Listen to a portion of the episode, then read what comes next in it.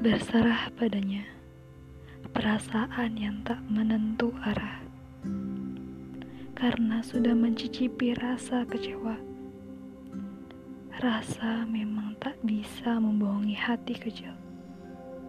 Maaf adalah kata perdamaian pada hati, dan sudah waktunya lah untuk berserah. Sang Maha Pencipta memberi ujian mustahil jika tidak ada obatnya.